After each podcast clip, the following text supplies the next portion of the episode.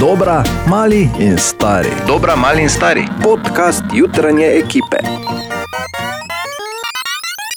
Pozdravljeni v Kisn. Veš kaj bi, jaz vem, kje si. Kaj delam? Um, re, eh, čakaj, da ti razložim eno drugo stvar najprej. E, zdravo, uh, moj ime je Bor, to je bil pravkar Tomaš, tu je Ana, kaj te smo malce zgubili po poti. Vi pa poslušate podcast, ki se mu uradno reče. Ana, to nekaj pričakujemo od tebe. Dobro, ne? mali in stari. Tako, dobra, A. mali in stari. Zdaj, tu sem. problem imam, ne, ker stari nisi, mali ne. tudi nisi. ne. Tako da Ne. v času dnevne odsotnosti, ko nadomeščaš zjutraj, si v tem podkastu samo dobra. Tako da bi te lepo pozdravil za podarjalne dobre. Pozdravljeni. Kaj smo ta teden počeli, o čem smo govorili? Dosti stvari. Dosti stvari, praznik je tudi bil vmes, kar je naravnost fantastično. In praznik še bo. Ne? Praznik Mhm. še bo. Ja. Predlagali smo tudi Bora za župana, da bi potem uh, vsak teden torek, lahko bil ja. praznik, ja, ali pa četrtek, ali pa bilo kaj. Uh, to pa je to, kar se jaz spomnim, ker ne vem, ki sem, ki, kak smo. Kaj jaz vem, jaz bi samo zaključila z eno lepo mislijo. Čez 40 minut se mi začne dopust. Le kako cankajo, ne lepo. Da bi- da bi Dajna ti- ni, Ana odhaja. Da bi ti rože doma eksplodirale. Hvala. No, ne more biti tako nekolegijalni. Glede, zdaj, vsi, ki imajo te dni malo zasluženega vdiha, samo zato, ker si ga vi niste mogli načrtovati, ali pa si ga ne želite, še ne pomeni, da si ga oni ne zaslužijo, ali pa da mora imeti pokvarjenega. V tvojem primeru, Kat, eh, Katja, Ana, pa seveda ne ti crkne rože, veš. Kje je Katja? Ne vem, kje je Katja, ne so roži že crkne. Odijo vreje. Jezno. Izvrstno. je. Jezno je. Veš, ko se zdaj vseeno malo ali pa precej no govori o, spet o Marsu, pa o roverju, ki je tam, pa o prvem dronu, ki je poletel kot prvo, uh, poletel in pristal na tujem planetu, kot prvo uh, s človeško roko narejeno plovilo.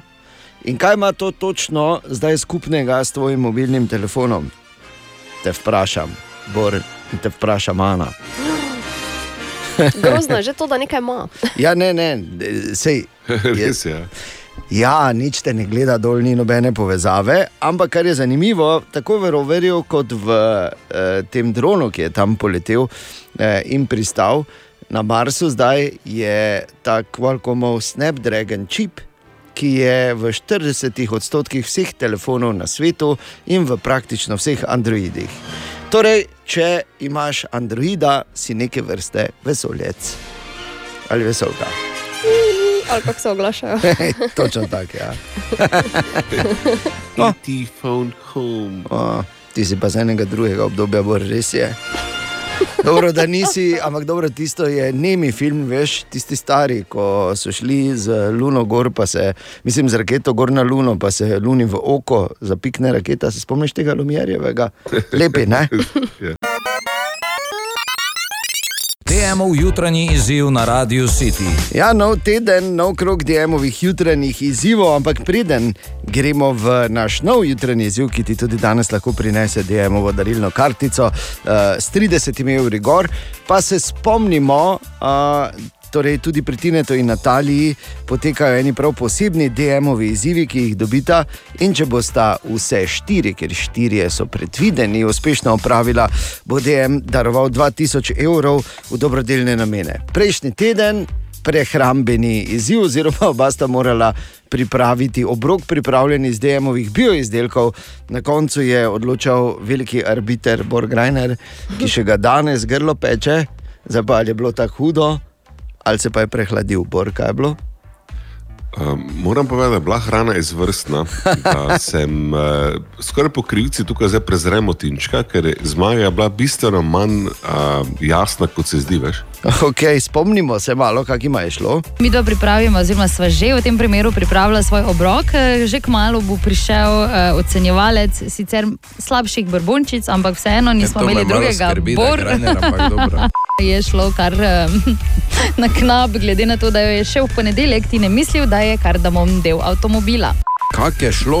Kako je šlo? Ja? Vse gladko, si imel kakšne težave s kuhanjem? Mislim, gladko. Smiš tak, ne, pa se tako, pol, čakaj, tem pa, jo, se nimam nobenih začimb, ne veš, kak je to, pol te pa pol. Kaj? Glej, Nič. Zdaj samo čakava, da pride torej, stari borne. Stari samo, da pride. Tako. Ona sem živčen že. Odpri posodo. Drugo nalogo sta Ja, pravkar števil- uspešno upravila. Tine najbolj vesel ni, bom jaz rekel. Ne? Ampak Tako sem eh, to preden gremo pričakoval, dalje, vse kaj druga nisem pričakoval od tebe. Prodanec. Natalija je imela poprečno ceno 8,83, Tine pa 7,5. Uh, bi pa ob tem izjemoma Tineta posebej pohvalil za njegovo uh, solato. Nis, pa kako solata, nizko? te ste, ni, to ni bila solata. To je bila, a- Vse ni čudno, da sem zgubil, če ne ve, kaj je je to. Naredila sem sladico iz avokada, v bistvu puding, pa si rekel, Ja. ja. da je alkoholno, ter Ja. ja. pa ga sploh ni ja, niti blizu. Glej, samo malo, še enkrat ni. pogled- Bo prišel neki ziv, ko treba nekaj na žar vreči, te pa da vidim, pol, veš. Te pa da vidim, kdo bo tu. Ampak dobro, čakaj, moj stavek še sledi. Prosim. Torej, jaz Tine predvsem priznavam svojo zmoto. Natalija je največji mojster v kuhi zdrave hrane s sestavinami iz DM. -a. Je pa to še druga resnica, da zadnjič v življenju sem ti kaj skuhal za jesti. Tvoja uh, kritika, bor pa me sploh ne gane, ker tak, imaš brbončice tako stare, že da ne med kisom pa med soljo ločiš. Tako da hvala lepa. Skratka, uspešno. Opravljen drugi izziv, dva sta še ostala, novega dobita danes, hitro po 10 uri. Naš jutranji DM izziv pa preveri na Instagramu in na Facebooku. DM. Kupujem tam, kjer nekaj velja. Danes je ponedeljek, 26. april in kot slišimo, imajo pri Boru doma tisto klasično igro, en dobi, pa imamo vsi. Res je. Mala je prenesla. Ja, običajno je tako. In še huje bo, ko bo vrtec, veš. Oh, ja. Ker pripravi se. okay, ampak samo zato, da ne bo kdo slučajno paničen, da ne bojo poslali inšpekcije iz Nije. Ja, testirali smo se, nikoli. Ni COVID, ni samo klasični, stari, dobri, nostalgični nahod. Kar seveda Isto, pomeni, Kar bedno, zdaj če malo razmišljaš, ne, ker še tu. da tu ne moreš, ja se razumem. Ampak bi, bi pa samo povedal, da Prvič pač, zadnji dobim, prvič zadnji dobim, drugič pa še to samo prehlad. Pa da. pa najhujše, vedno, vedno, ko si zadnji, je vedno najhujše, karkoli že dobiš. tako da. Prideš na vrsto, bi pa samo rekel, da pač to je ta razlog, zakaj je bora antipropaganda za življenje danes zjutraj. Ampak zagotovo je zunaj kdo nahoden. Ana Borindejen, želimo dobro jutro. Dobro jutro. Dobro jutro. Ja, in zdaj uh, ena izjava, s katero se bo Bor uh, v celoti in takoj strinjal. Okay. Nisem jaz za moderne tehnologije, glih najbolj ne. Res je. Od slavnega. Seveda. Ti si kriv za moj telefon, ki ti delaš, ti si Factory Reset, no. Factory Reset. Enkrat sem mu svetoval Factory Reset, ker je vse ostalo povedala in seveda gospod nima nič backupirano, kar je praktično težko narediti v času, ko ti Google oziroma Android vse sam backupira, pa vseeno ni imel. In kaj je na koncu bilo odločilno, da No. naj, naj, naj, redu, moram to povedati. E, ti si bil kriv. Crush, sa, ne, kjer, kjer si imel že? Shranjenega? V Sudokuju ni imel shranjenega napredka. snor, veš kaj je to, jaz pa se mesece trudil, da sem nekam prilezel. Ok, skratka, tokrat sem se odločil, da bom proval, kako dela, uh, kak dela Siri. Ne?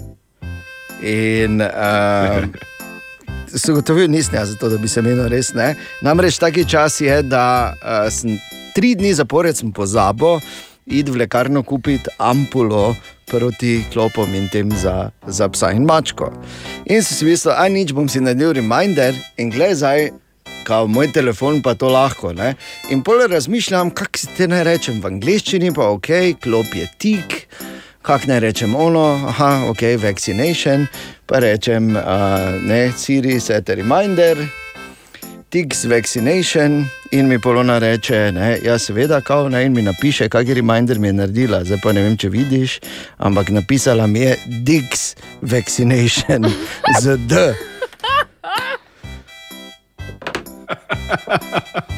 Toliko o tem, nikoli si ne bom tega zbrisal. Ti ne, dobro jutro. Dobro jutro. Ja. Uh, ker si bolj novi pri Applu. Ja. Ne, jaz pa sem, imam malo več izkušenj, ti povem, da eh, Siri točno ve, kaj rabiš. O, Tine! Ni veliko presenečenje, ker je že prej bil tu z izvrstnimi šalami in vici. Ti ne, res, hvala Dobro ti. jutro. Dobro jutro. Glej, veš, da na mene lahko računaš. Vedno. Kje si ti ne? Ma, ti moram no, povedati, če te kakšen dan ne bi bilo, bi bil prav. Mir mi No, daj. pa kaj? Idi, bil prav. pa Jezen je na tebe. Idi pa se v Ja. salato zmeša. Čakaj, ti si, samo zakaj si ti na mene jezen zdaj, prosim? Zaradi petka, domnevam. Ne?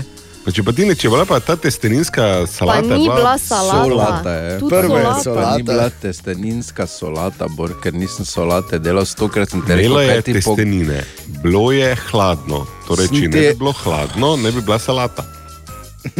Vreda je. Ne? Bile so. In tak je pol podelil zmago. Ja, Ja. Ti Ne, ne, pravim, ne, da ne, ne ta ve, kaj testenska ješ, salata je dobra devetko. E, Ti si izgubil zaradi svoje Presežem kvinoje. še Tvoja enkrat kvinoa je rečeš bila- salata. Tako da bi Pa bo domov Ja. prišel k Pa prijem, vem, kje si doma.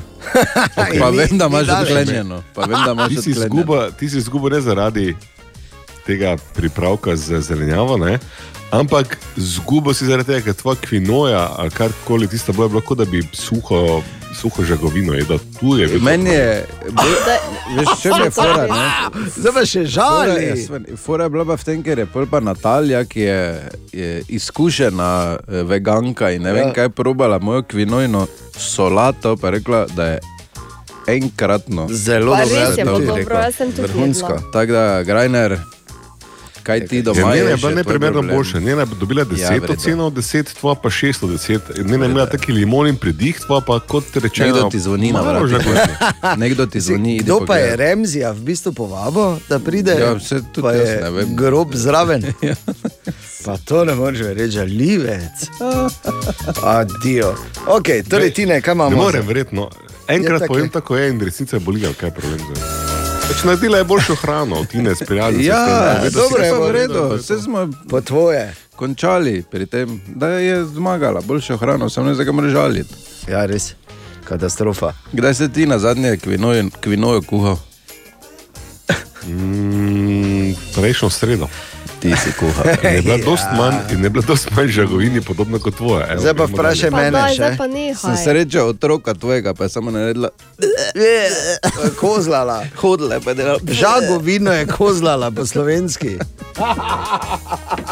Zdaj povem kratko zabavno zgodbo, ne, ker ona je z vilico, ne bo žlico, ampak prvenstveno z roko.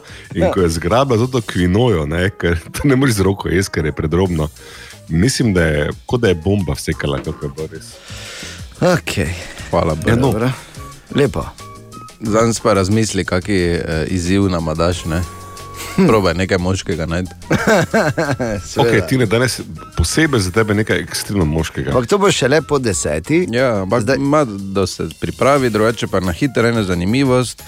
Če bi eh, lahko človek sproduciral eh, zvok glasnejši kot 1100 decibelov, Ja.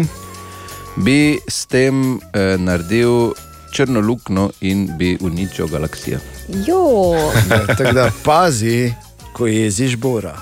Ali pa ko fižolo ješ. Tudi ja. Ker je približno isto. Vse v zmernosti.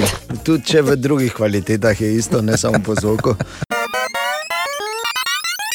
Torej, a, pf, pred kakimi desetimi leti menda se je začelo resno govoriti o tem, kako pa bo enkrat. Samo droni nam bojo vozili stvari direktno na vhod ali pa na balkon, zzz, bo samo naredilo in boš imel to vse doma. In da ne bi to bilo kmalo, deset let kasneje, bor koliko dronov je tebi kaj že dostavilo. Pa jaz sem zelo mislil, veš, da jaz, ko sem v prvem stropju, da bo kar na okno potrkal, ne Pa rabim se to, hoditi. ja, na balkon lepo, hopa. Ja. Uh, nič. Kaj pa Ja. tebi v Framu, vi ste malo Bolj malo. včasih. Tezno, Ana, pokrito z droni. slabo Ne, še ne. Ne. Se mi je zdelo.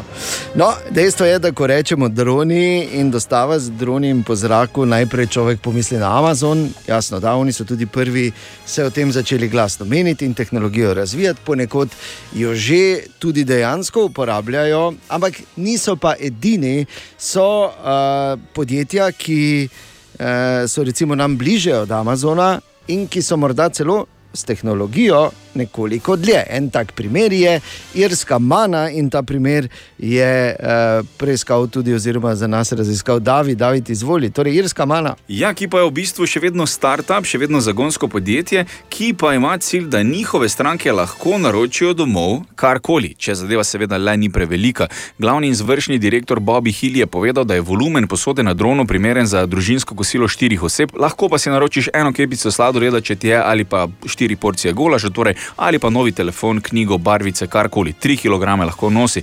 Vse delajo sami, oblikovanje, razvoj in pa proizvodnja dronov, tudi programska oprema v njihovi domeni, se pravi, to je slabo za hekerje, pa tudi drugače je za varnost dobro poskrbljena, po njihovih besedah lahko upravijo 10 milijonov letov in ne pride do katastrofalne napake, to pa pomeni, da doben dron ne strmoglavi. V primeru pa da strmoglavi, pa imajo vgrajena padala. Ampak vseeno tukaj je nerodnost, če s padalom pristane nekomu na vrt ali pa sredi ceste. V zadnjem letu in pol so upravili 35 tisoč letov, zdaj jih upravljajo 3 tisoč na teden. Torej, stvari postopoma izboljšujejo, preden se resno lotijo masovne proizvodnje. 90% letov še vedno namreč služi za testiranje, 10% torej za komercialne namene, torej za denar. To pa počnejo v kraju Orenmore, torej na Irskem, ki ima 10 tisoč prebivalcev, kar pomeni okoli 3 tisoč gospodinstv.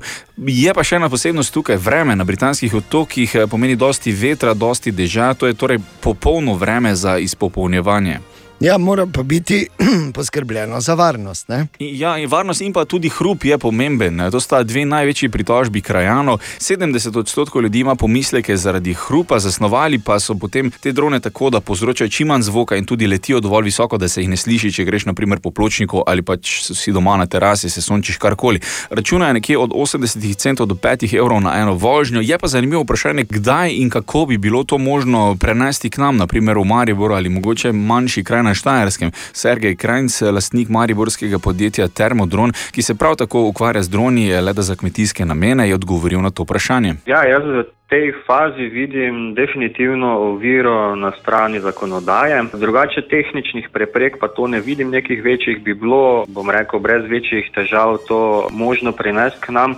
Mogoče je pol bolj socialni vidik, kako bi ljudje to sprejeli, pa to vse skupaj te stvari. Definitivno pa bi bila tu dodana vrednost za a, različne ponudnike, mogoče predvsem manjše. Ja, tukaj bi se še dalo povleči eno paralelo s tem mestom na Irskem.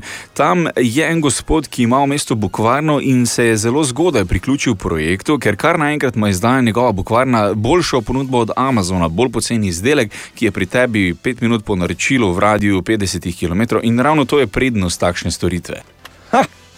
Si videl to? Torej, še enkrat več smo se naučili, ni problem toliko v tehniki, koliko je v nas.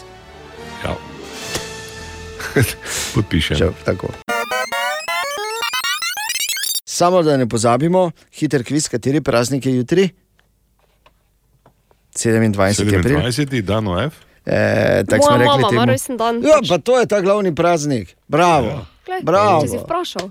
V, vnaprej vse najboljše. S tem, da ni bila rojena v Vidmarjevi vili, verjetno v kleti, ne? Ne, da neha. ko se je začelo. Okay. Čeprav obstaja tudi uh, verzija, oziroma eno razmišljanje, da se je zgodilo v Fisherjevi vili na Teznu, ki je v bistvu vrstna hiša, ki sploh kleti nima. Ampak to je resnica reporterja Milana, ki, spored, ki bo na sporedu jutri. Ampak vseeno, samo da vemo, zakaj gre, da ne bi slučajno. In povsod ni praznik, tako da v Avstriji, recimo, jutri ni praznik, prav tako ne na Danskem. Samo da smo razčistili. Jutro, jutro. Uh, o, Tomaš. Jaz se upravičujem vnaprej, ampak sem tako fajn prehlajen. Kje ste hodili, da si se Ja, se to, tako ne morem verjeti, da pri teh letih mi še vedno uspevajo tako izjemne stvari, da, da bi. Ne, ne morem. Čestitaš si pa reč dalje, kaj če zdaj. Ampak drugi dan vse vem, aha, ker si takrat pa si to, pa si tam, pa si nisi dal gor. Pa, ne. Točno vem, ampak v tistem momentu, eh, se vodi. No, Vem, da je evo, rado. čist možno pa je, nekaj smo samo v 2021, pa je znanost nekaj malega že raziskana, da je pač virusni prehlad, ne? da nisi zdaj samo jobce pozabil. Ne bi rekel, ker sem bil sam štiri dni z jobco na terasi, tako da sumim, da je to. Ti pa jobca. Sam si bil štiri dni. Ja. Namreč, uh, tudi telefon sem samo dvakrat preveril, samo zaradi vas, ker vem, da ste brez občutka tu na radiju. Jaz se upravičujem za tisti klic ob No. sedmih zjutraj. Ne? Prosti, ker treba vprašati, kakšni mini dopusti to, če si A sam, B brez telefona oziroma elektronskih priprav. No, sam se Pravi. reče, ne? ampak brez, ja, res, tako si rekla, Katja, pravi dopust je to bor. Uh, vem, da imaš ti s tem težavo. Ne Nimam poznaš, težave, samo malo me poznaš spoznaš tipe, so, so ravno eni prišli, in 40 dni so imeli eksperiment, da so Ja. bili uh, v neki votlini brez elektronskih naprav, tako da ti imaš mini verzijo tega. Ne? Pa so dobili denar, ne? Ja, mislim, Ja, jaz plačani ga- so bili, ne, ampak ne. No, okay, ampak to, tukaj je bolj zanimivo. Oni so prišli ven in so imeli občutek, da so eni so rekli, da so bili 20 dni, drugi 35. Ne? Ja, niso sploh. se zdelo, da so bili A. krajši čas, ko so bili. A, vidiš. Meni se tudi zdelo, da sem bil krajši čas na dopustu. Ja, ja, res je. Me pa zanima, kaj se je zgodilo vmes, ker ne vem, te par dni nisem gledal, nisem bral novic, nič. Tako da gremo, Katja. Kaj je bilo? Ja, zdaj, za Novice gremo, ti jaz Katja, ne okej, morem pa torej povedati. webček. Jaz Za novice počakaj kaj na webček, ja. Ne, za pač to, ja, kaj se je dogajalo tu v okolici. Ja, jaz sem trenutno eh, rahlo preseljena in ne navajena na okolico, v kateri živim. In eh, sem šla v en prostor zvečer ob eh, 12. eh, pokaditi en cigaret in takrat zaslišim zvoke, čudne zvoke, grozne zvoke. In uh, pač iskala sem že nože, pa kakšne kije, pa Oj, kar oj. pač vse lahko najdem, Ja. da se branim. In ko odprem tisto sobo, ugotovim, da sta tam noter dva hrčka, ki veselo gonita ono kolo. A, Čakaj, ti imaš Dobro, doma hrčke, rekel- pa ne veš, da imaš doma hrčke. Ak- Verjetno to ni prišlo v top 5 svetovnih novic, ampak je gotovo. Ja, no, zgodba. gledaj, ta, ja, tako. Ne? Vidiš, prestrašena je bila, kaj ti menjala je okolje. To je isto, kot da bi jaz na morju vem, eh, srečal gekota po noči, kar se je že zgodilo.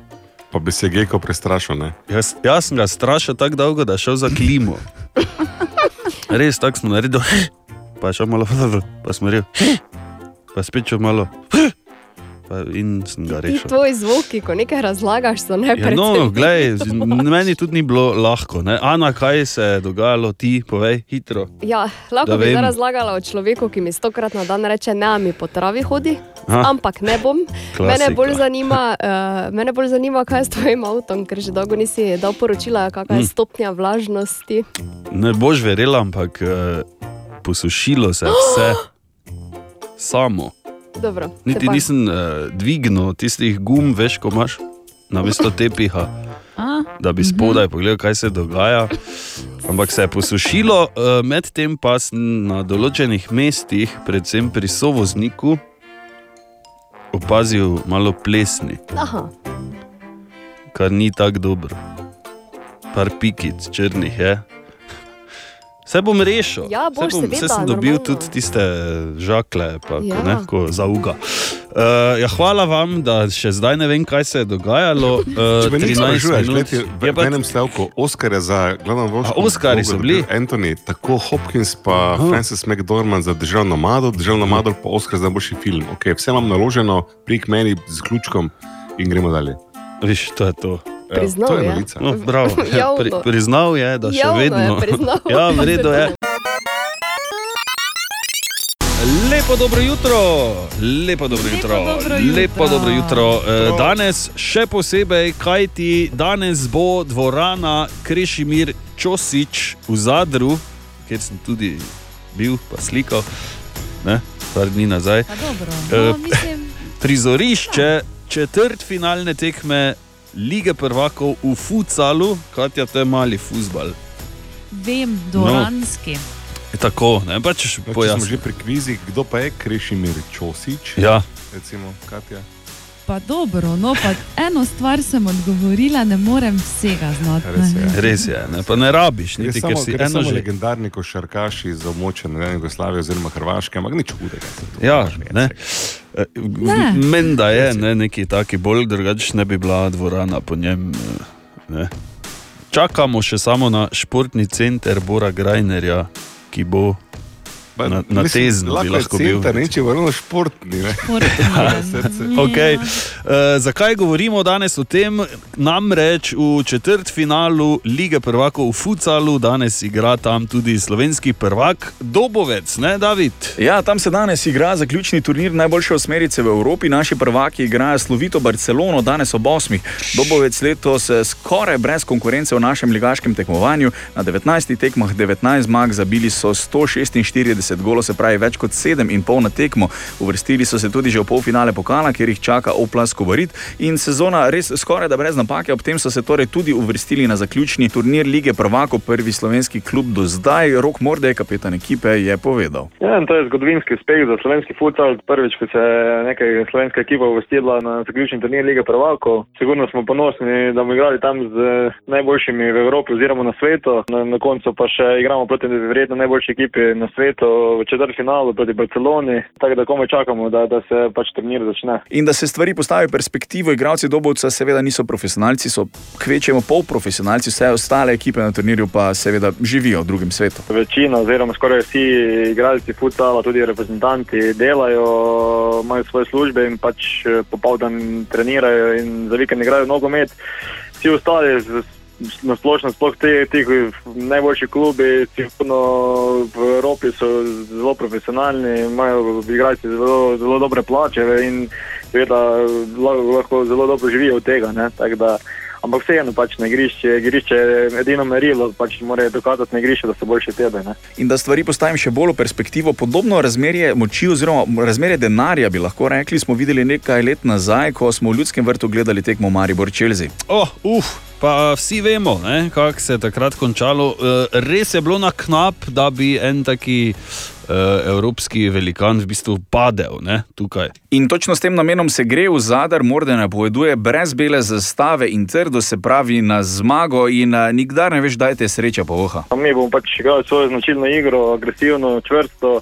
Zdaj, za kakšen rezultat bo to dosti, bomo pa videli v zadru. Edino mogoče mi je žal, da naš najboljši igralec, Kristjan uh, Čujec, ima kartone, pa ne sme igrati, tako da to je sigurno nek handicap za nas, ampak vseeno, mi se ne bomo predali, mi bomo dali vse od sebe, za kakšen rezultat bo pa dosti, bomo videli. Tekma je torej danes ob 8. dobovec Barcelona, odzivi pa jutri zjutraj na Radio City. No, krasno, seveda držimo pesti. Aha, aha, aha, aha, aha, aha, efekt. Danes imamo torej vprašanje Tamare, ki jo zanima, kako se naše telo odloči, kje bo najprej izgubilo ali pridobilo maščobo. Hm. Draga Tamara, naše telo, za razliko od nas, eh, lastnikov tega telesa, ima Razmišlja, ne. funkcionalno kot estetsko logiko. Torej, telo razmišlja funkcionalno, ne razmišlja to, čemu mi rečemo estetika. Kar pomeni, da v momentu, ko mi vnašamo več hrane, kot jo rabimo, telo reče: Ok, tu zdaj sprazni, bomo naredili plac, pa bomo hrano skladiščili. Tako maščobne celice nastanejo, en se dere od zadaj, ne? in pri moških ja. v, v področju trebuha, ženske pa tukaj od zadaj meča, riti, ne? ustvarijo um, Riti. skladišče. Ja. Zato, da odveč energijo v obliki maščobnih celic ustvarimo. Zdaj pa, kaj se pa zgodi v momentu, ko pa mi uh, začnemo uh, manj jesti? ne? En, oni v telesu, ko se pred celice drsi, zdaj drugače, da pa pravi: Čuj, zgleda, da uh, nič na tu zdaj kurimo, te, te mišice, ker res praznike, ne rabimo to. To pomeni, da Naredi še tu mi- dva, ne, zraven, Ja, ko za mi jemo, mišice hitreje atrofirajo, kot pa maščobne celice izginjajo. Ker maščobne celice, tudi ko so prazne, imajo to nenavadno hecno lastnost, da ne izginejo, ampak se samo spraznijo. To pomeni, da kot da. Zdaj, ko smo tu naredili skladišče, zdaj moramo to dolgo imeti, ker nikoli ne veš, da bomo zopet mogli puniti. Tako. Ne? Torej, uh, logika telesa je, da mišice, ki rabijo energijo, če jih ne uporabljamo, one hitro grejo. Maščobne celice, ki pa skladiščijo te uh, energijo, a temu pa večno rabi, ker nikoli ne veš, kdaj pa moramo kaj shraniti. Tako so kot neka stara babica, če me razumeš. Jaz sem Mhm. imel eno, ko je hordala veno, take so maščobne celice. Funkcionalne, bolj kot estetske. Res je, eh, hvala lepa, Bor. Eh, Še vedno pa nas zanima, zakaj je ravno vrit in zakaj je ravno v trebuh pri moških. Kaj ne bi bilo boljše? Ne vem. ker zdaj pri- prišparamo to za jutri. Prišparamo za jutri. Za jutri, ok, boljše. Ali tudi vi pogosto totavate v temi? Aha, efekt, da boste vedeli več. Lepo dobro jutro želimo in uh, to je pa tudi to za enkrat, ne? ker Res je, predajamo ker tu besedo. prevzemam besedo. Tako. Zato, ker na čudoviti ponedeljek sem se imel čas pogovarjati z rektorjem Univerze v Mariboru, profesor hm. dr. Zdravkom Kačičem. In eh, začelo se je kar prijetno, ne gospod rektor, najprej lepo dobro jutro želim. Enako dobro jutro tudi vam. Dobro jutro. In Hi, hitro potem sem šel v interjer, veš, ker v teh Aha. pogovorih moraš najprej malo iti okoli. ne. In, gospod rektor, im- imate veliko, eh, lepo pisarno. Jaz bi rekel, da eh, komaj da zadošča eh, smernicam NIJZ glede volumna, in ker sva tukaj sama, še zadoščava, tako da so na varni strani. To, to je res, ampak eh, kaj je ta hiša bila prednje postala rektorat? Ta hiša je bila delno osnovna šola, delno je bil pa klub mladih, pred daleč predtem je bila pa banka. Okay. Moram reči, tudi eni se spomnijo, da je bil tukaj MKC notri, tako da lepo ste iz eh, nekdanjega kluba, ko smo se stiskali, stvari um, pripeljali v uh, arhitekturni presežek, lahko rekli. Ne? Se bojim, da je res bilo tako. Ja. Um, gospod rektor, um, nadaljujemo s pogovorom, izvolite. Ja, verjetno bi lahko to tudi s tem povezali. Zahvala pa zagotovo gre eh, arhitektu Podreki, ki je res eh, napravil eh, dejansko iz te stavbe eh, stavbo, ki eh, odraža eh, nekako univerzo v njeni na eni strani mladosti z notranjim interjerjem, na drugi strani pa tudi neki tradicionalnosti, če stavbo rektorata pogledamo od zunaj. Uh, hvala za ta arhitekturni, uh, bi rekli, lahko presežek. Zdaj bi Ja. se pa vseeno morala, gospod rektor, posvetiti malo, uh, če nič drugega, pač eh, človeškim vprašanjem. Povejte najprej, kako ste vi. Absolutno sem vredel, me, me veseli, da zadeve tečejo uh, dobro. Uh, seveda, zdaj so prazniki pred nami, sicer bodo delovni, ampak kljub temu uh, sem toliko bolje. No, evo. Okay, um, hvala lepa za ta uvodni pogovor z gospodom rektorjem, dr. Zdravkom Kačičem. Ta pogovor v kratkem nadaljujemo. To je bil samo taki, um, veste, ko se malo šlatamo okoli v Tako, tako. vrtljevanju, pa k bistvu. Lepo dobro jutro. Dobro jutro. Lepo dobro jutro. Podobno sem včeraj rekel profesorju dr. Zdravku Kačiču, rektorju Mariborske univerze, zdaj študenti v ponedeljek nazaj pridejo v mesto. Vemo, dve stvari definirata mesto za res. Torej, odprte terase, kjer ljudje lahko zdaj zunaj sedejo in kaj popijejo, in pa življenje se v mesto vedno za res vrne takrat, ko pridejo nazaj študenti. Je tako, gospod rektor? Ja, v velikem delu je res tako. Ne. Študentje so pravzaprav bistvo našega delovanja. In uh, žal je ta korona uh, čas uh, odtegnil velik del tega življenja z univerze, mi se vsi veselimo, da prihajajo nazaj. Morda smo malenkost manj veseli zaradi tega, ker ta vrnitev ne bo v, možna v celoti, glede na uh, veljavne smernice NIJZ, ki se jih moramo absolutno držati. Eh, Seveda, malo tudi z strahom, glede na to, da ne vemo, kaj bo prinesel mm, naslednji čas, ki je. Glede na negotovost epidemiološke slike, eh, dost eh, velika neznanka. Upamo, da vse eh, najboljše in da bomo lahko te ukrepe samo še sproščali in torej vračali življenje vedno bolj in bolj na univerzo. Ja, res je le- lepe želje, ampak eh, moram povedati, eh, Tomaš, hmm. Katja, Ana, da včeraj nam je bilo z rektorjem super. Sedela smo v isti sobi, pogovarjala smo se v živo, to že kar nekaj časa v času pandemije nisem počel. Tako da tudi, ko sem mu rekel, eh, gospod rektor, pa dobro, super nama gre, pogovor teče v živo, krasno je, je rekel. Ja, jaz mislim, da je, če bi lahko eh, snela maske, bi bilo še toliko bolj odlično, ampak ja, z veseljem eh, se vedno eh, udeležim živega sestanka. Preveč je teh, eh, ne bom rekel mrtvih, ampak oddaljenih sestankov in ni to tista, tisti način komunikacije, ki bi si ga želeli. Re, res je, gospod rektor, tako med nama se je vam zdaj v času teh neživih video sestankov zgodila kakšna eh, zanimiva, neprijetna. Zdaj Vemo, kako je, včasih kdo pozabi kamero vklopljeno ali kaj podobnega. Zagotovo se zgodi ne kamera, ampak mikrofon. Recimo, ne. Eh, Meni je pa najbolj bi rekel, takšna izkušnja, ki mi je ostala in mi bo ostala, verjetno bila ta, da sem na eno uho poslušal en sestanek, drugo uho drug sestanek, kar pa verjetno danes ni neka redkost in verjamem, da se marsikomu zgodilo, kar kaže na to, da je nujno priti nazaj na star način dela, ko si lahko 100% pri enem sestanku prisoten. Ja. Ja. Vidiš, Bor, to bi lahko tudi za tebe malo peljalo. Bi lahko, ne? Bi lahko.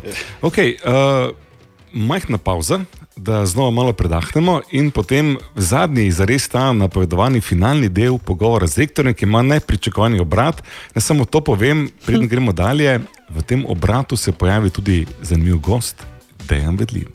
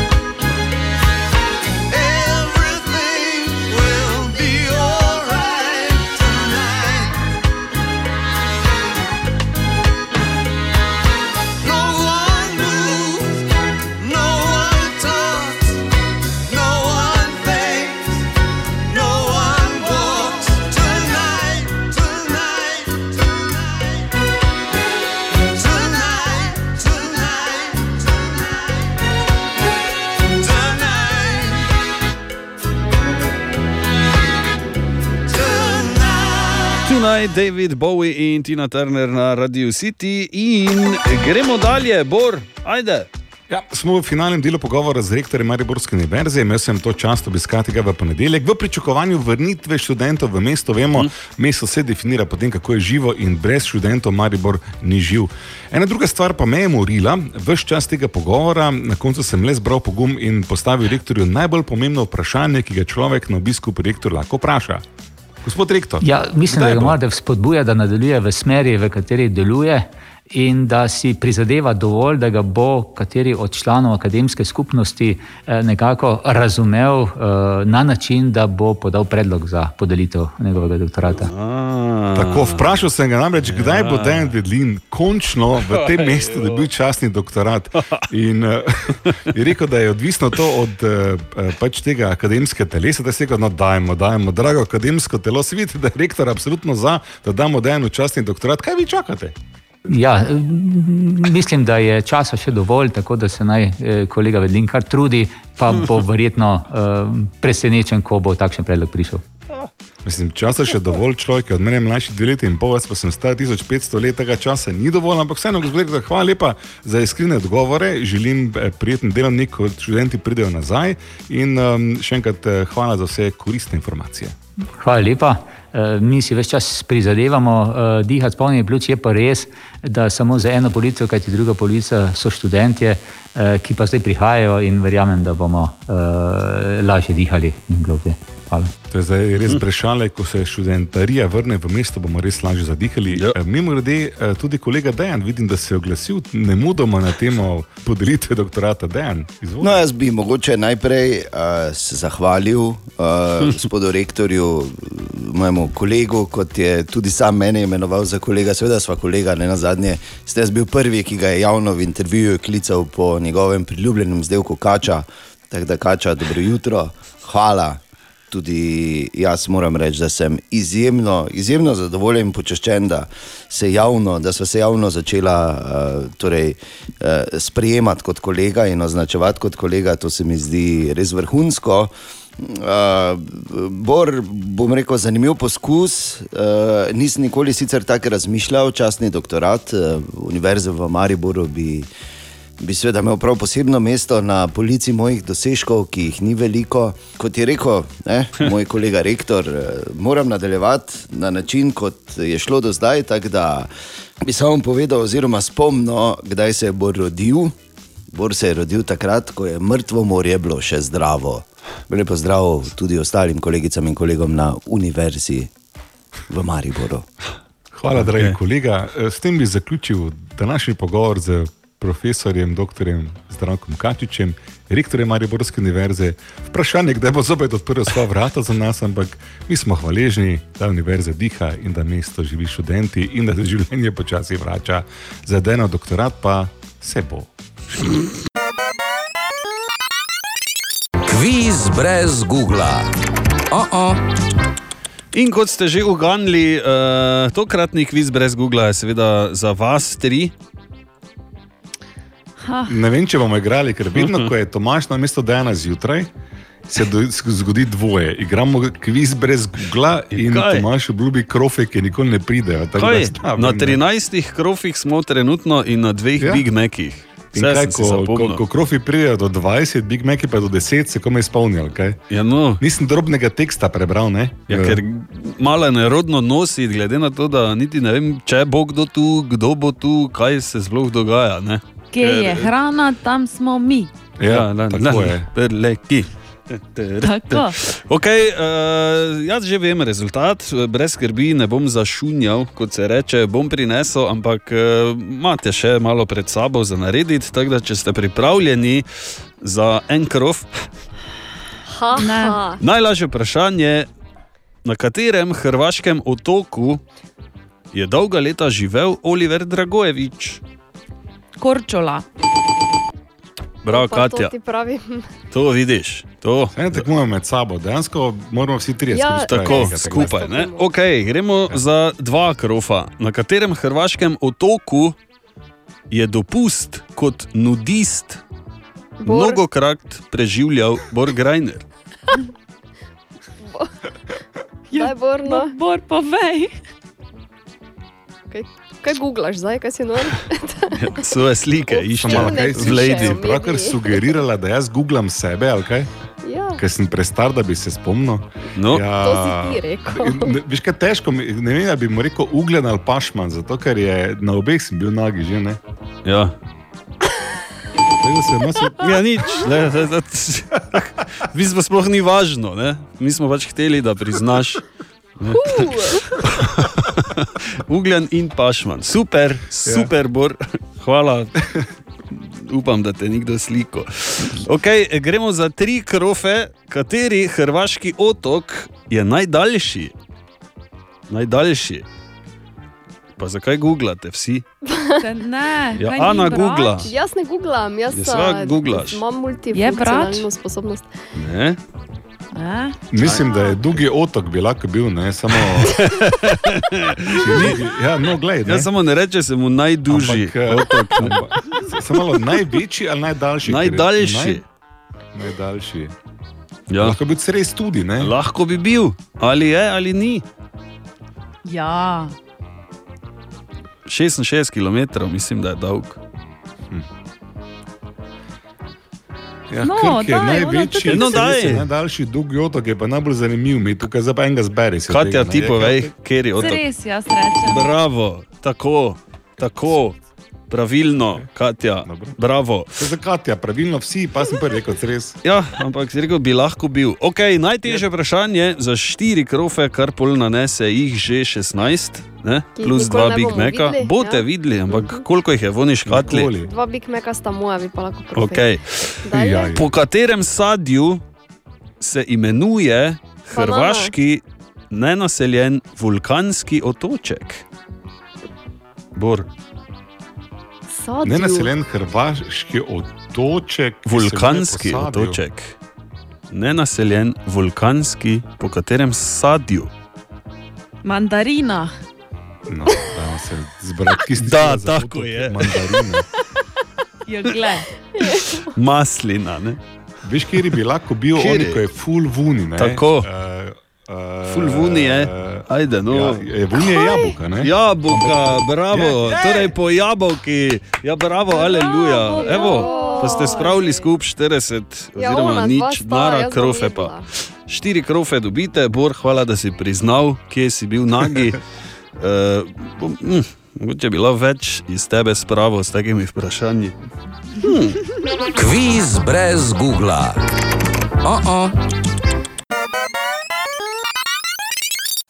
Lepo dobro jutro vsem skupaj, Lepo tam dobro zunaj. jutro. Dobro jutro. Uh, najprej, seveda, se bo treba posvetiti športu, kar je uh, kar dobro, ne, v četrtek zjutraj. Uh, včeraj smo torej govorili o futsalu, o Ligi prvakov v Zadru in uh, Dobovec.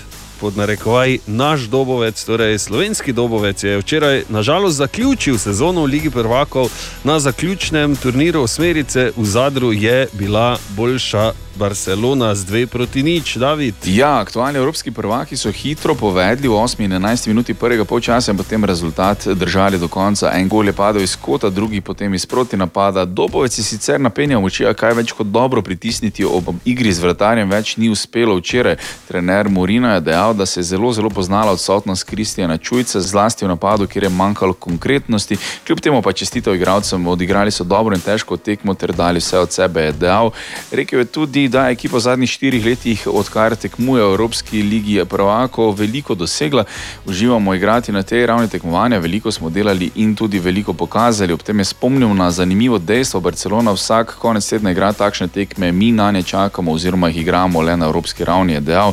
Vratar Barcelone Plana je čestitev Dobovcu, eh, videl jih je kot dobro taktično ekipo, tekmo so odigrali odlično in priznal, da zmaga ni bila lahka, tudi trener Plaza je bil kratek, Dobovec je nocoj dokazal, da je zasluženo na zaključnem turnirju najboljših osmih ekip. No, evo, ne, tako da kapo dol že za ta dosežek. E, bo pa drugo leto boljše, ne? pa bomo v Barcelono malo.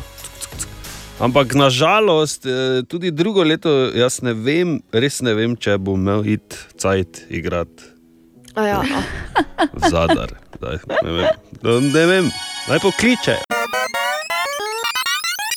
Web, web, web, web check. Pa gremo, dobro jutro, Dobro jutro. Dobro jutro. izvoli Katja. Ed Dobro Sheeran. jutro. Ed Sheeran, to je oni. Edi Sheeran. je? Pevec, Edi. ne? Ja, Eda. Edi, ja. No, uh, Eda Širena so v Londonu opazili, kako se šeta oblečen vampirja. Šeta. Kaj ga snemal kdo? ja. Ne vem, mogoče. za- Mi, mi lahko Eh. veš, kako si oblečen v vampirja? Ja, visoki plašč. ovratnik pa zobe, pa Tisti nazaj visoki polizane ovratnik pa plašč imaš? Pa zobe Ja. imaš ven. Pa ne, zobe imaš? okej, okej, okej. Ja. In pol hodiš. A, torej, po vsej verjetnosti v bistvu gre za snemanje novega No, videospota za pravim. njegov četrti album, kar pomeni, da bo prišel nazaj po 18 mesecih očetovskega dopusta. Ne? In ti se veseliš. 18 mesecev očetovskega dopusta je imel. 18 mesecev. Ja. Okay.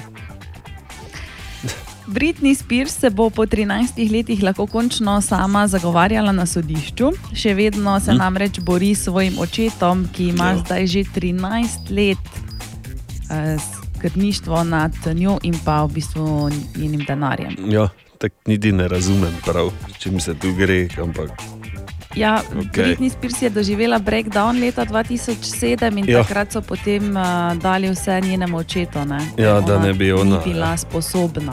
Kao. zdaj No, pa ne se more nazaj. Zdaj pa ne more dobiti več nazaj. No, 23. Krasno. junija bo zdaj imela dejansko razgovor. Mhm. Potem v Izoli se obeta nov odlog in sicer nič več sprehoda v kopalkah po mestu, nič več hranjenja galebov, popivanja na parkiriščih in pa rezervacije prostora na plaži z brisačo. Za vse to naj bi te čakalo 400 evrov kazni. Mhm. Odlog še sicer ni sprejet, ampak naj bi bil sprejet pred okay. začetkom sezone. Kaj v Izoli je taka gneča, vedno kaj, da to vse treba. Ja, jaz, koliko se spomnim, ja. Ja, je dejansko. Ja. Jaz ne vem, jaz sem enkrat samo bil v pristanišču. Ker je sem, Če bi prosim vsi, ki hodite samo v Hrvaško na more, ne bili pametni, vso slovensko morje, če je dobra obala, je gneča, ker je pač Ja. mala. Ne? ja, ja, ja, ja. Hop, normalno. Ampak da ne smeš ja. iti v kopalkah po mestu. ja, to me najbolj moti, ne drugo. To te brisače mi ja, tako grejo to na živce. eh, To smo že navajeni iz Hrvačke. In zakaj jaz Da ne ne bi smel kazati Tako svojega lepega telesa. pa recimo, svojega ne? truda ne, čez leto? Okay, ja. Za Tomaža ne skrbi. O, glej, kaj? Kaj se ženiš, Katja? Ne, Big Ben naj bi po trenutnih Ah. ah. informacijah ponovno pričel z zvonjenjem leta 2022. Okay. No, lepo. Uh, tu nekje tudi pričakujemo, da bo ura, ki je na slomškem trgu, tu gor na zvoniku, je nehala delovati. Tudi Že enkrat. Začela Ne, delati, ne. Okay. Še kar niso baterij menjali. Ne? In če je baterija tam ravno kar Ni tako enostavno. Ne, kot, Ni tako eh, enostavno, ja. morda naj izgleda. Kaj na prvi gimnaziji dela, normalno že, ali kako je? To tudi... Ja, ja, tam pa je štifter, pa Dela, mislim, o, ja, ja. štifter. Ona dva sta menjala, donatorsko. Ni štifter, štifter je bil urar, zato sem zamešan. Adijo. Webcheck. Katja, Ana, Bor in Tomaž želimo dobro jutro. Dobro jutro. Dobro jutro. Četrtek je, te, te, te, te, te, te, četrtek je. Ne, tako bi moglo biti danes. Ja, Četrtek je. Pol pa petek in sobota. Četrtek je. Ne, Ja. vidiš, bo, Bor je še zdaj v šoku, ker je četrtek. Četrtek je. Ja. Uh, v nadaljevanju pa, kot smo že napovedali danes, enkrat uh, najpopularnejša rubrika na Radio City, narečja so zakon avtorja Marka Frasa. T, t, t, Narečja so zakon. Narečja so zakon. Ha, kva, koga, kaj? Ma ne razumem. Tako in smo jo dočakali, uh, najpopularnejšo rubriko na Radio City. Sta vesela, ste veseli vsi, ste vsi veseli.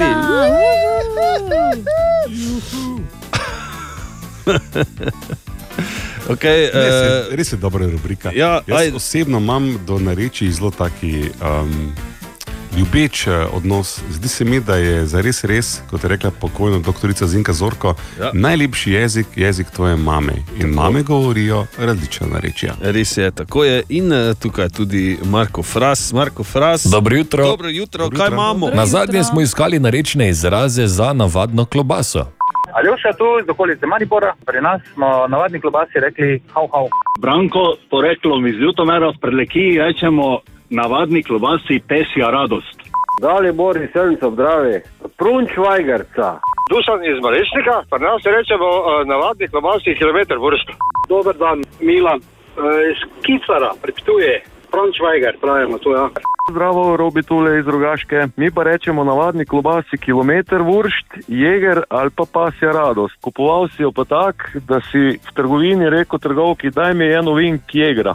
In še na hitro nekaj izrazov, pasja radost, seveda hmeljarska klobasa, franček, ovinek, kilometr vršt, pes, prančvajger, rajtl, biršlin, jeger, hauhau klobasa, kilometrca in tako naprej. V tem tednu pa iščemo narečne verzije te povedi. Komaj čakam, da neha deževati. Kaj pravite vi trije? Kefa, kermec in kikel. Ja. Kefa, kaj boš rekla? Komaj čokam, da daš hejo ite. Ju. Lepo, lepo. Ok, uh, Bor, komaj čakam, da neha deževati. Kaj bo ali ne bo? Ja. Kako bi jaz rekel, komaj čakam. Jaz, jaz imam nekaj neprimernih, ampak deževati bi verjetno zamenjal z eno drugo besedo, ki jo redno Mhm. Ki je uporabljam. povezana z uriniranjem. Ne? Tako, tako, mm. ne, kaj bo že nehal enkrat. Čutim te. Tomaš, res. No, točno to. Uh, ne vem, kaj nam je rekel, Fras, uh, če bi razložil. Kaj? Kefa je krtača, kermec je prašič za pitanje, kikel je lahko tudi kikel ali kukel in pomeni vogal. In za vogal je tukaj nekaj zanimivih stavkov iz leta 1700 in 1800. Eh, Seveda govorimo še vedno o stari knjižni prekmurščini, tako da se opravičujem, res globoko opravičujem za izgovorjavo. Mesto stolne brisače sem si stolnice kikel zvezal na pruslejsni gompluknjo. Drugo, na kiklej peče ali hadr vejnec. Tretje, sem videl štiri angele stoječe na štiri kiklaj zemlje, le lahen veliki na štiri kiklej zvezani. Naša tabla štiri kikle ima in zadnje, diamant, če je na kikle obrušeni, te je briljant. Jo, kaj? zdaj ne vem, kako kak točno rečejo v prekmurju, samo mi, mi imamo kukle, ne kukle. Kukle, ja. Verjetno je pri drugi bajti že drugače, Katja. Ja, to je res. Ja. Hvala lepa, Marko. Uh, jaz nisem razumel zdaj ene besede, se mi nekaj bajta sem vmes čul, pa ne vem. Hiša, ok.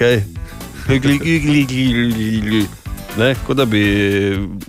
Eh, zanimivo. Zanimivo, res je lepo. Uh, hvala lepo, Marko. Narečja so zakon spet v soboto in ne čisto vsak dan, kot se eni na radiju lažejo. Ha, koga? Ma ne razumem. Narečja so zakon. O, Tine! O, Tine, dobro jutro.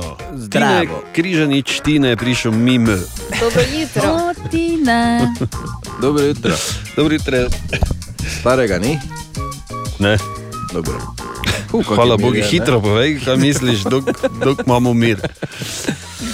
E, Zdravo. Zdravo. Ja, kaj tečemo? Kaj tečemo? Drugače, vse pod kontrolo? Ina, inače. Inače. Da- ja, lupim, se vidiš? Konec aprila se lušim, kot te to je. Kot da je avgust. Veš, in polko se ti nos, ne, imaš cel cel nekaj pred očmi, veš, ko te moti, kam pogledaš, neki štikli kože. Kožo. Pa čelo, pa ne vem, kot da bi bil 33 let na plaži, bil pa sem ne vem, 4 ure. Kar Ja, je, vidiš, kar je se dovolj. namazal? Ja, sva ne. Ja, no, Če sem imel ne. v avtu, sem imel. Res. Avto pa bolj daleč. Avto pa tam, ja, pač valjda. pet minut beg. Ja, valjda. Pa ne vem, zdaj gor hoditi. Ne, vse pa te ni tako močno. Ja, se pa tako ni zdaj, če je april. Če- In evo zdaj. Ok, tako je mali. Evo ti, Ja, kaj. Evo, ga. pa je prišel. Oh, Zdravo, Bor. Ne? Da ne delam, da me ni za tine, to samo. Kaj dela? Kaj? Bor, radio smo. Ne moreš ti. Imaš nekaj, si govoril v bistvu. Ja, in povedal do konca. Ti ne izvoli. E, z presenečenjem sem ugotovil, e, da dejansko fraz ima e, dokazano bolezen. Mislim, Ja, obstaja. zdaj? obsta- Jaz sem Ja. večkrat ugotovil, že vsaj šest jih. Obstaja, eh, nisem vedel, da dejansko obstaja eh, bolezen, imenuje se. Lenivec. Eh, ne, ne. Ja, ne. Zdaj ne vem, če se dobesedno prav tako prevede, zdaj recimo pač iz angleščine bi ja. se prevedlo nekako v stilu. Um, Slovnično-pedantni sindrom. Ja, imajo oziroma ljudje, ki- gramar nacij. ne.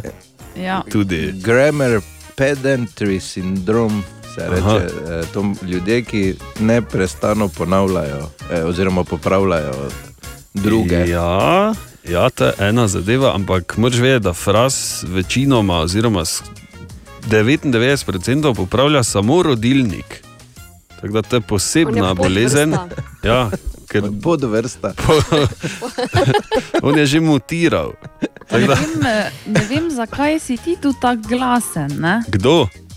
Ti, Ja, ti, ne, si ti-. Je pa dobro, jaz sem se od frasa nalezel, pa zdaj pač Aha, slišim. Ampak... Nalezljivo je, v bistvu je virusna bolezen. Virusna Mhm. bolezen je. Ja. Dobro, da se one druge njegove nisi, ko je na VC-ju. No, Ne, niste tiste. Ali pa tiste, ne, ko ful dolgo hodi po stopnicah.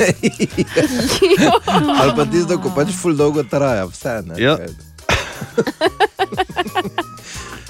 Ali pa tisto, da bi imel na reči, so zakon. Ali pa to, ja. Recimo, le. Ali pa to, da z onim butlom dela v soboto. Recimo.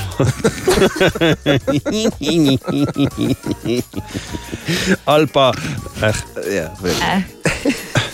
še eno bolezen ima fras, samo to bi še dodal, da ko se pofena, da fen na tla, kabel tako zloži v U, ker je fen vroč, ne, da ne bi bajte zažgal, ko gre od doma.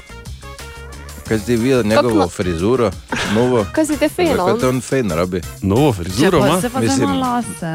Če pa je friško obrit dol, včeraj sem ga videl, pa sem kuj- Včeraj si spet pobril. Mirno sem stal, ko sem ga videl. Ne rabiš skrbeti, ker je fraz zelo, zelo počasen v vsakem gibu.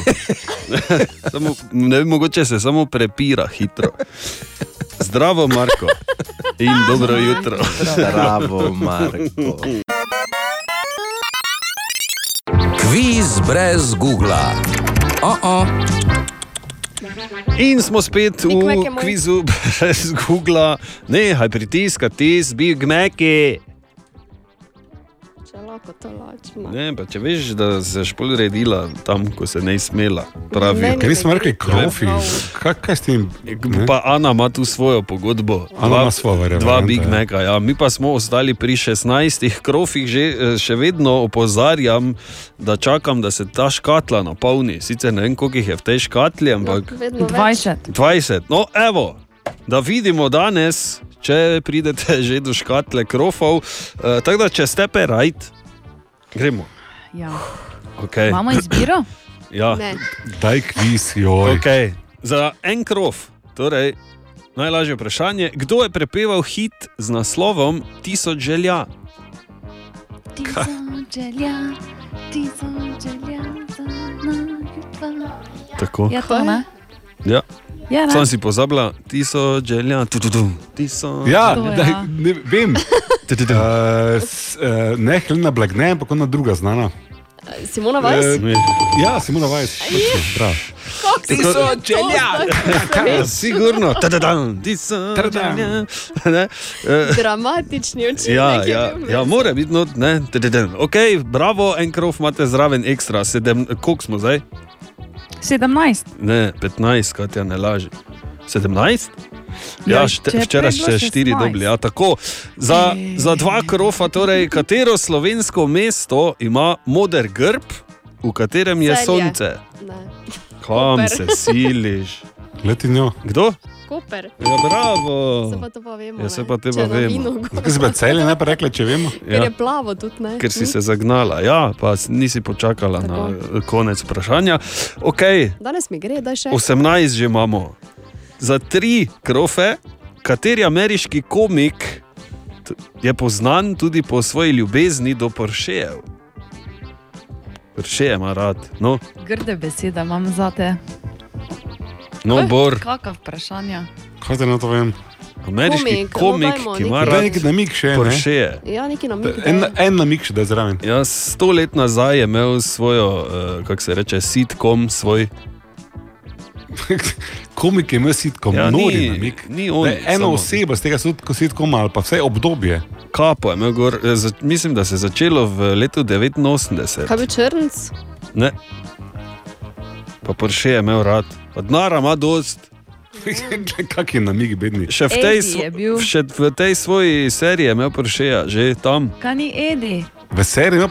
Edi, Ja. je bil, je Edi bil je? Seinfeld. Tako, ja, bravo, bo.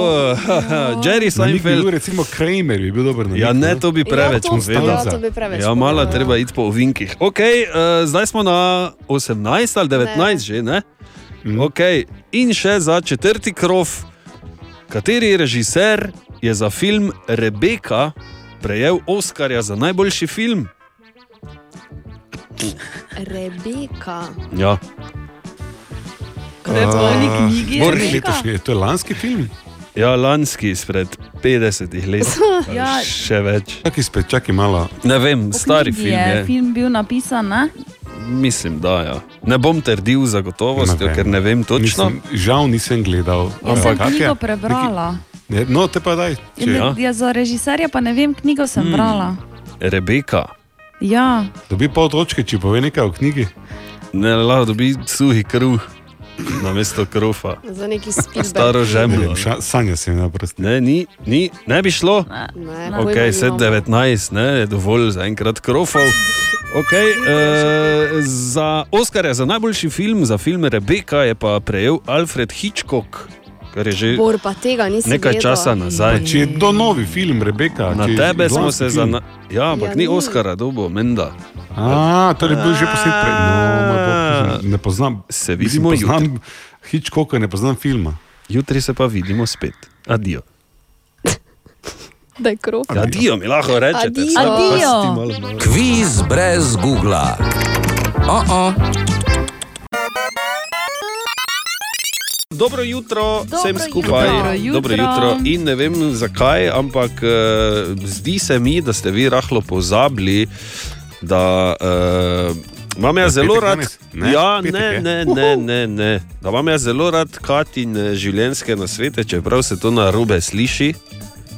Življenjske v smislu uporabnih Ja, mini trikov. Tak, ja, no, da ne bi kdo mislil, da Katja meni govori. Ne vem, zazri se vase in spoznal boš A ja. resnico. ja. Ne, pri teh letih bi malo težko. pošilje pozitivno energijo, Tako. vesolje in vse se ti bo vrnilo. Ja, se to je res, to že vem, ne, Ja, to ja. mi ne bi rabila. E, Tako da, Katja, e, če imaš kaj takega, kako praktično spet, bi te prosil. No? Ja, veš, da sem jaz Imam bolj loj, enega. kar se tega tiče. Ja, Imam enega in sicer eh, ponovno povezanega s kuhanjem. uh, to ja, tam sem Ko- slab. Samo jajco, pa špagete, pa ne vem, res dober. vrhunske. Ampak se ti je že kdaj zgodilo, da si katero koli jed preveč solil? Skoraj ziger. Ja. Skoraj ziherno. Če se ti to še kadarkoli zgodi, Ja. ja. enostavno lupiš krompir in ga narežeš in ta krompir vržeš zraven. Kaj surovega. Ja. Ja, Res? Se to- potem, potem trak, Kuha ta potegne ko- sol, krompir ja. tudi vzameš ven, ne, ga Ja. ja. ne poješ, ampak eh, krompir absorbira soja, tako kot je Bor že povedal. Resno. Ja, Ah, vidiš, namesto da vse skupaj stran vržeš. Ne? tako. E, kolikokrat se vam je to že zgodilo, Neštetokrat. da ste pač Ja. vse skupaj? Ja. E, jaz bi tu samo dodal eno. Ne, da bi vse skupaj stran vrgal. Ne, v stran nismo metali. Pač, pa no, veš, ko ono, joj, Joj, dan gor, Po pa daš, ne? Ko je pač, jo, zdaj sem pa vse uničil. Uh, šunga sir gobice dvakrat, ja. Ja, no vidiš, ko se ne znaš rešiti. Ne? Jaz imam tu eno čudovito zgodbo o tem, ko se nekdo ne zna rešiti, ko se kaj zalomi. E, namreč bil sem enkrat na obisku pri znanem mariborskem radicu Marku Frasu.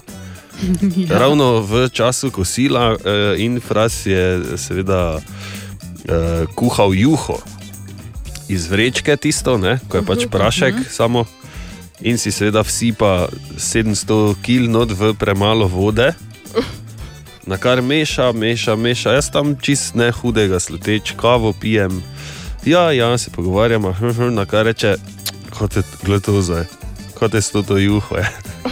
Ja. Le, zdaj vam same grude, pa kaj si ti, pa kdo bo te to jedel? Ne? In je šel in je vso juho vlil v WC, in pride nazaj, in pač se dalje nekaj menima, pa pač ne, se menima, si pač nekaj druga gre delati.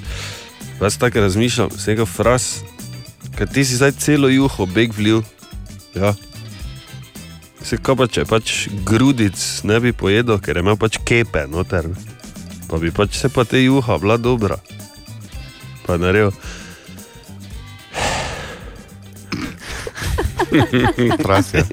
Mislim, Lahko bi jo ti recimo, za tako Recimo. juho- Recimo, ne, to Ej, vem, ampak- težko, veš, veš, kaj Glej, mislim. Pač. še en lifehack z moje strani, ne? v štartu, če ti delaš juho, pa ima grudice, je nekaj z juho narobe, veš. Ja, Ja, ali pa, ali pa daš v hladno vodo, ko bi Ja. mogel Ne, ne, kaj Ja, samo malo. ja. Ka- Katera juha ima grudice, z vrečke, nekaj narobe. Ja, preveč si je dal, premalo vode imaš. Loj. Ne, začel je delati z vrečke.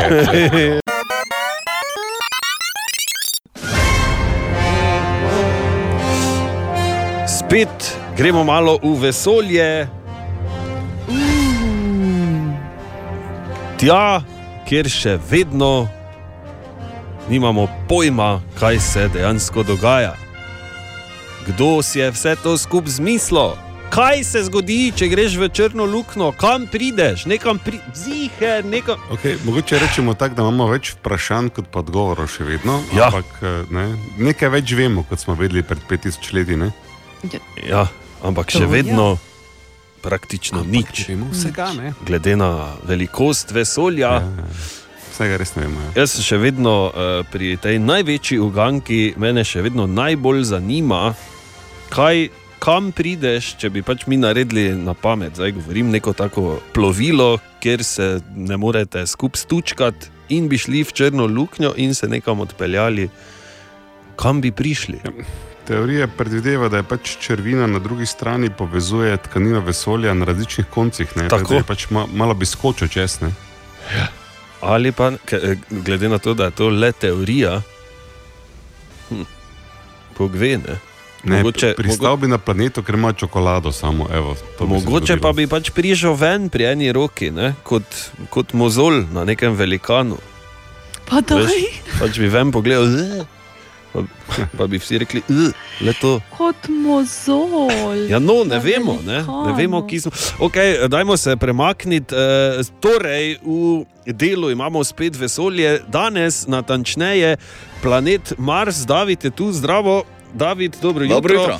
Uh, David, ti si poizvedel, kakšno bi bilo nočno nebo, torej zvezde, lune, ne, planeti, če bi ga lahko gledali iz Marsa. Ne? Načeloma bi moralo biti lažje opazovati zvezde, ker ni svetlobnega onesnaženja, atmosfera je redka, tudi oblakov je ekstremno malo, glede na te, ki jih imamo na Zemlji. Ampak, da se ne bi kdo prehitro zagnal na Mars z daljnogledom, profesor Igor Žiberna opozarja. Srečamo tukaj vseeno nekaj neugodnih eh, dejavnikov, ne, ki bi pa ta opazovanja lahko nekoliko otežila. Prva stvar, ki jo tukaj moramo omeniti, so peščeni viharji, ne, ki so kar pogosti na Marsu ne, in zaradi teh peščenih delcev seveda vidnost nočnega neba pade na nič. Tudi sicer torej je v Marsovi atmosferi eh, kar nekaj prašnih delcev. Ti delci, ne, torej že pri manjši motnji, že pri manjših vetrovih, torej so dvignjeni v ozračje ne, in to, kar pa povzročajo v Marsovi atmosferi, je pa večje sipanje oziroma razpršitev svetlobe. Torej, bilo bi predvsem pestro.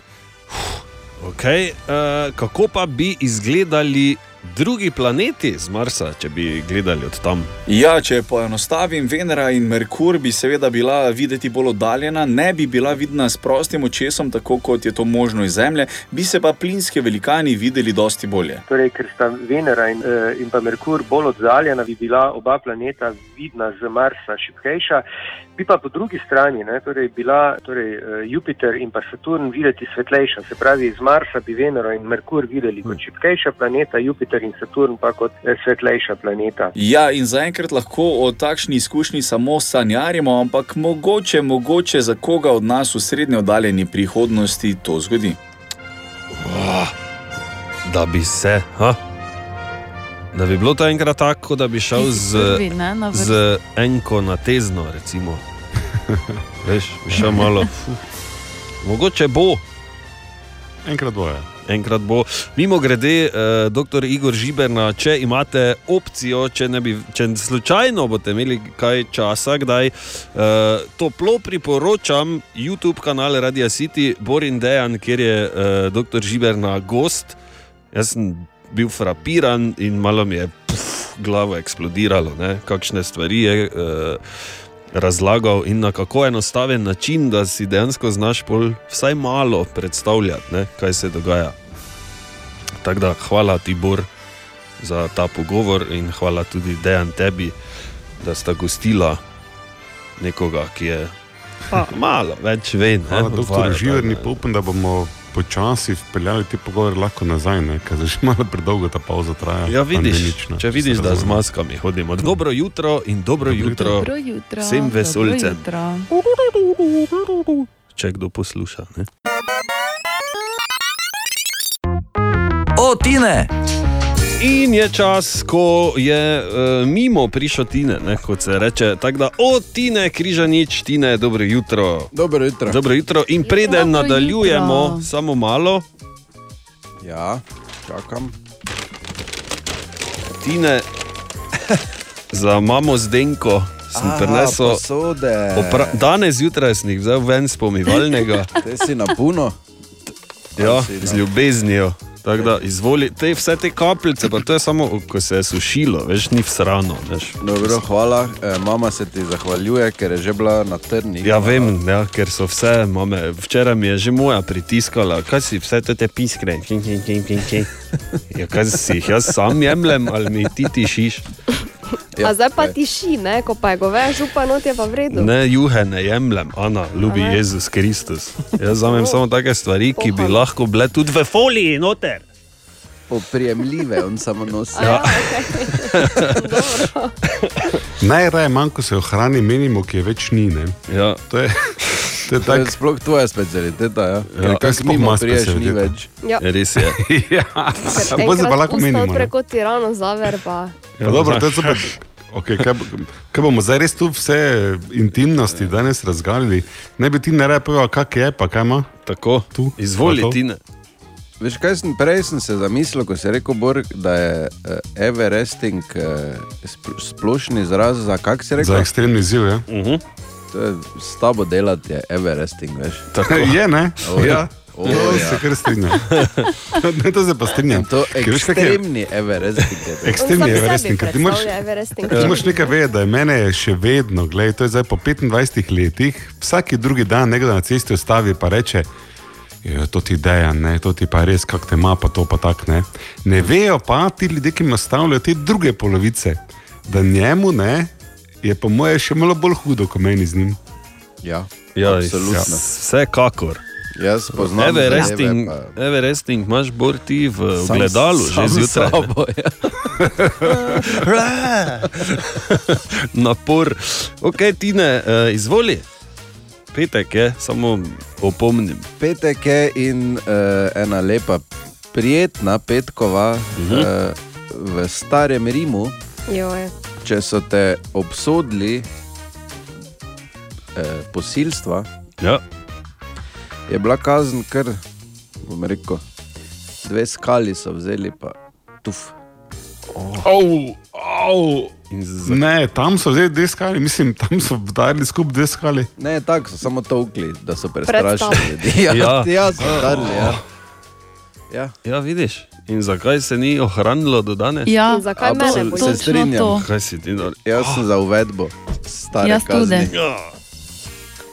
Te bi takoj vedel, veš, kaj je, kako bi hodil po svetu. Ja.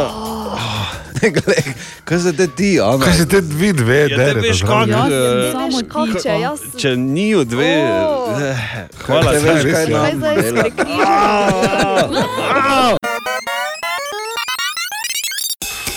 Aha, Aha, aha, aha, aha, aha, aha efekt. Katja, izvoli. Ja, Matej sprašuje, zakaj smo zjutraj prej lačni, če kasneje jemo. Uh, zakaj smo zjutraj prej lačni, če kasneje jemo? Torej, ja. Mateja, najprej moram to povedati. Če je nenadoma lahko, da zjutraj prej pa je ni bilo, je to eden od možnih znakov nosečnosti tudi. Ampak ena manj šaljiva razlaga je ta, da to velja za vse ljudi. Če jemo zvečer, še posebej, če jemo nekaj, kar ima škrob pa sladkor, tik pred gremo spat, to nam uh, nabije sladkor v krvi. Kar pomeni, da potem naše telo izloči hormon, ki mu rečemo inzulin, ta pa zopet pove našim celicam, da morajo absorbirati uh, ta uh, sladkor iz krvi. Kar zopet mm. potem, ker naše telo to spremlja vse čas, uh, sproži uh, občutek lakote. Po domače povedano, uh, ni dobro jesti tik pred spanjem, uh, ne zato, ker bomo slabo spali, kot je babica rekla, ampak zato, ker ogromno ljudi z tem hranjenjem pred spanjem dobi ta sugar rush. Ker mi, da če si potem po noči vstaneš uh, in te na lula, tako kot običajno je to po noči, ne? ampak si fejst lačen, potem moraš malo prehranjevalne navade premisliti. Zato, ker um, ne, uh, znamo se vloviti v to zanko in fejst je, torej izogibajte se hranjenju fejst večer, še posebej, če ima to škrob in sladkor. Mhm. Se pravi, uh, McDonald's in pice in to ob So- desetih. So ob- običajno slabe, da je ob desetih, pa toliko še bolj. Mate, ti pa naredi te za nosečnost, za zihar, nikoli se ne ve. In Ali tudi vi pogosto totavate v temi? Aha, efekt, da boste vedeli več. Dobro jutro! Dobro jutro. Dobro jutro. Dobro jutro. Jaz sem nekako se seznanil z mojo domačo situacijo, ampak okoli mene so sami norci. Ne? Tu ne, zdaj štejem najmlajše, ki je tukaj začela s tem činotom, pa nas je vse na noga dvignila. Ne? Ja, vse verjetno tudi, tudi sosedi imajo enako mnenje, da so vsi normalni, samo imajo enega norca v bajti. ne. Zdaj, ko si sosed rekel, ne? jaz sem res soseda, za katerega bi marsikdo rekel, da ni čisto normalen. Ja. Že to, da se reče ultra Robert in da če Aha. se le da laufa v eno pač nekam ali pa neki, ni čisto pri zdravi Ja. pameti. Ampak tokrat moram dati eh, petko visoko, ker je Robert, oziroma svojim društvom Ultra Robert Plus, mislim, da se reče, je zagnal dobrodelno akcijo, katere rezultat bo, da bodo uh, otrokom pomagali prenoviti igrišče. Tako pravi Robi, uh, včeraj smo se pogovarjali, sobote v maju bo sobote za laufat, pazi in hoditi. Ob sobotah eh, se bo v mesecu maju eh, se bodo dogajali teki ali pohodi po eh, Mariborčanom zelo znani in priljubljeni planinski poti do Koče na Žavcerjevem domu. In sicer gre za projekt, s, katerimi, s katerim bomo zbrana sredstva od štartnin v bistvu omogočili otrokom uresničiti eno željo in to je, da se bodo na svojem igrišču med bloki lahko družili, aktivno preživljali svoj prosti čas med vrstniki eh, in eh, ob tem tudi športali in se igrali. Ok, lušno in Robi pravi, da tudi za eno zelo konkretno igrišče. Ja, to gre za konkretno igrišče. Otroci namreč eh, so se zdaj v tem času eh, lockdowna nekako eh, pogrešali drug drugega in se začeli eh, na igrišču družiti, in so ugotovili, da njihova igrala so že zelo dotrajana in zaradi tega eh, tudi zelo nevarna. Eh, In eh, seveda so eh, s pomočjo staršev uh, očistili igrišče, odstranili igrala in seveda zdaj, zdaj bi želeli na ta igrišča dobiti nova igrala. Zato so se uh, uh, nekako organizirali in naredili stojnico, uh, na kateri prodajajo igrače, uh, športno opremo, rekvizite, skratka vse stvari, ki jih več ne potrebujejo in s temi sredstvi bi radi oni si pač kupili uh, igrala. Okay, lepo. Eh, Kaj morate vi narediti? Sveda, najlažja pot do tega, da človek ima v sebi dober občutek, je, da daš Jurija v žep, pa greš po mestu, pa ga razdeliš. Če pa ga slučajno nimaš, tako mogoče mi ostali smrtniki, pa eh, pravi Robert, eh, treba je samo malo laufati ali pa malo hoditi. Tako je, mi, mi pomagamo s tem, da tečemo in pa hodimo, preživljamo eh, aktivno eh, svoj prosti čas, naredimo nekaj za svoje zdravje.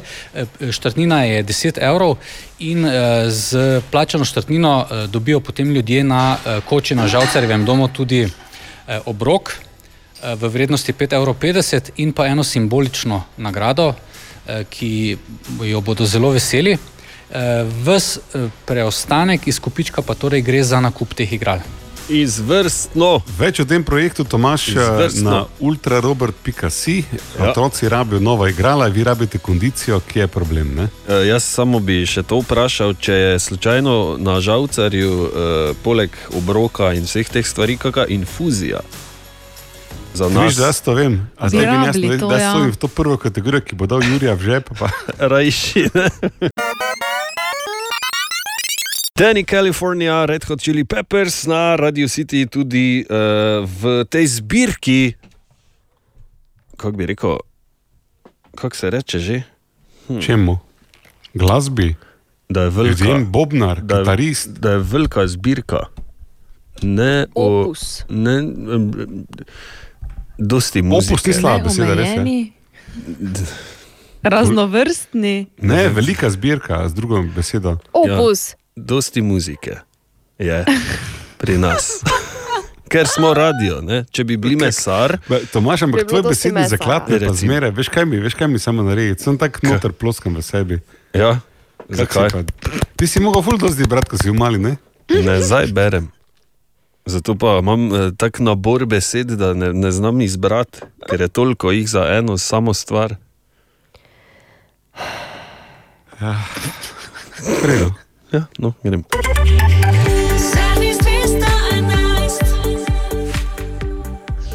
Kaj ste ti režiš? V Mariboru 14 stopinj imamo izmerjenih danes, ostaja pretežno oblačno, plohe so že napovedane do povdne, najvišje temperature pa do 21 stopinj.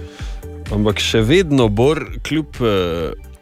Jaz tako vem, da imam izvrsten besedni zaklad, čeprav se ti norčuješ iz tega, Ne, da je ravno obratno. se, ampak, eh, Še vedno pa ob vsem tem uh, pravilno uporabljam rodilnik, kar je osnova, da sploh začneš razvijati osebni. To je, to, mislim, to je samo pri vas, ki dlako cepite okoli slovnice in ne razumete, da je jezik živa struktura, ki se razvija. No, vidiš. Bogatost in širina besednega zaklada je bistveno bolj pomembna. Namesto da bi Ano vprašal, Ana, povej mi točno, kaj je opus, in bi ti Ana rekla, Tomaš, to so vsa dela določenega avtorja.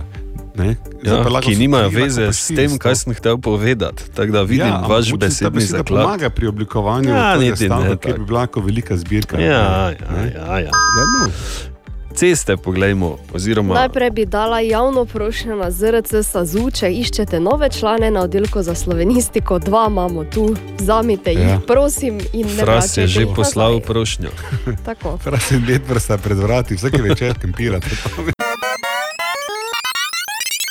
Kviz brez Google.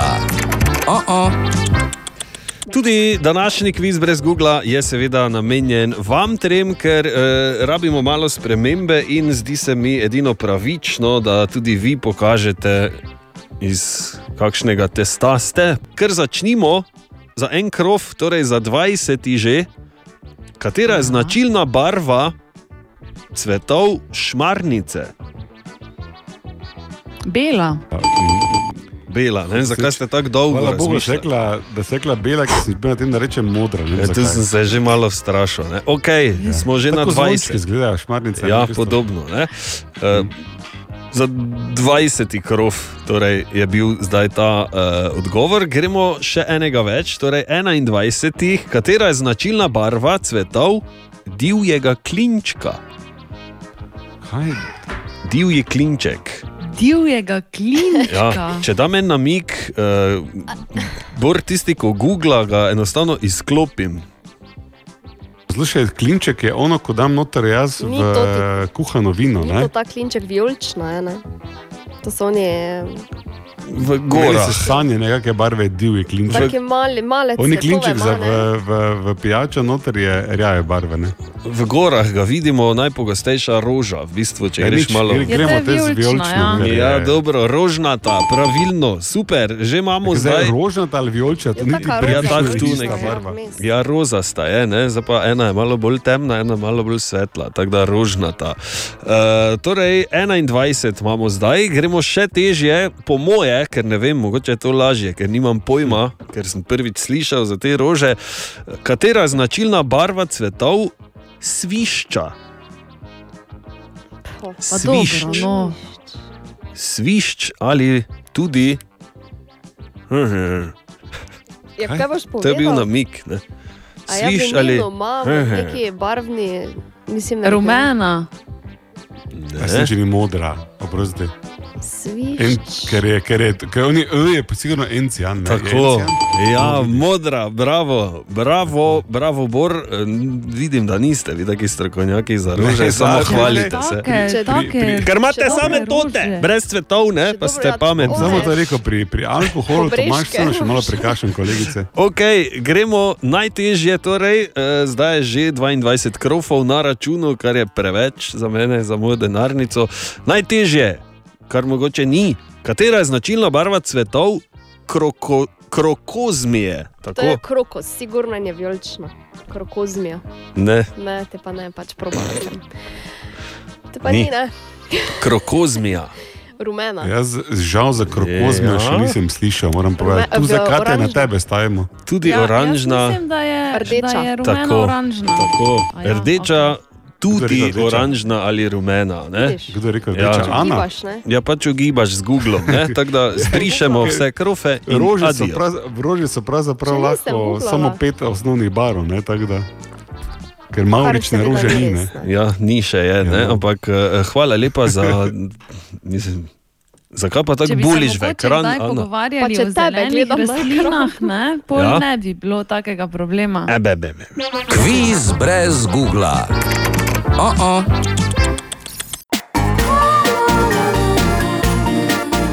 Dobra, mali in stari. Podcast jutranje ekipe.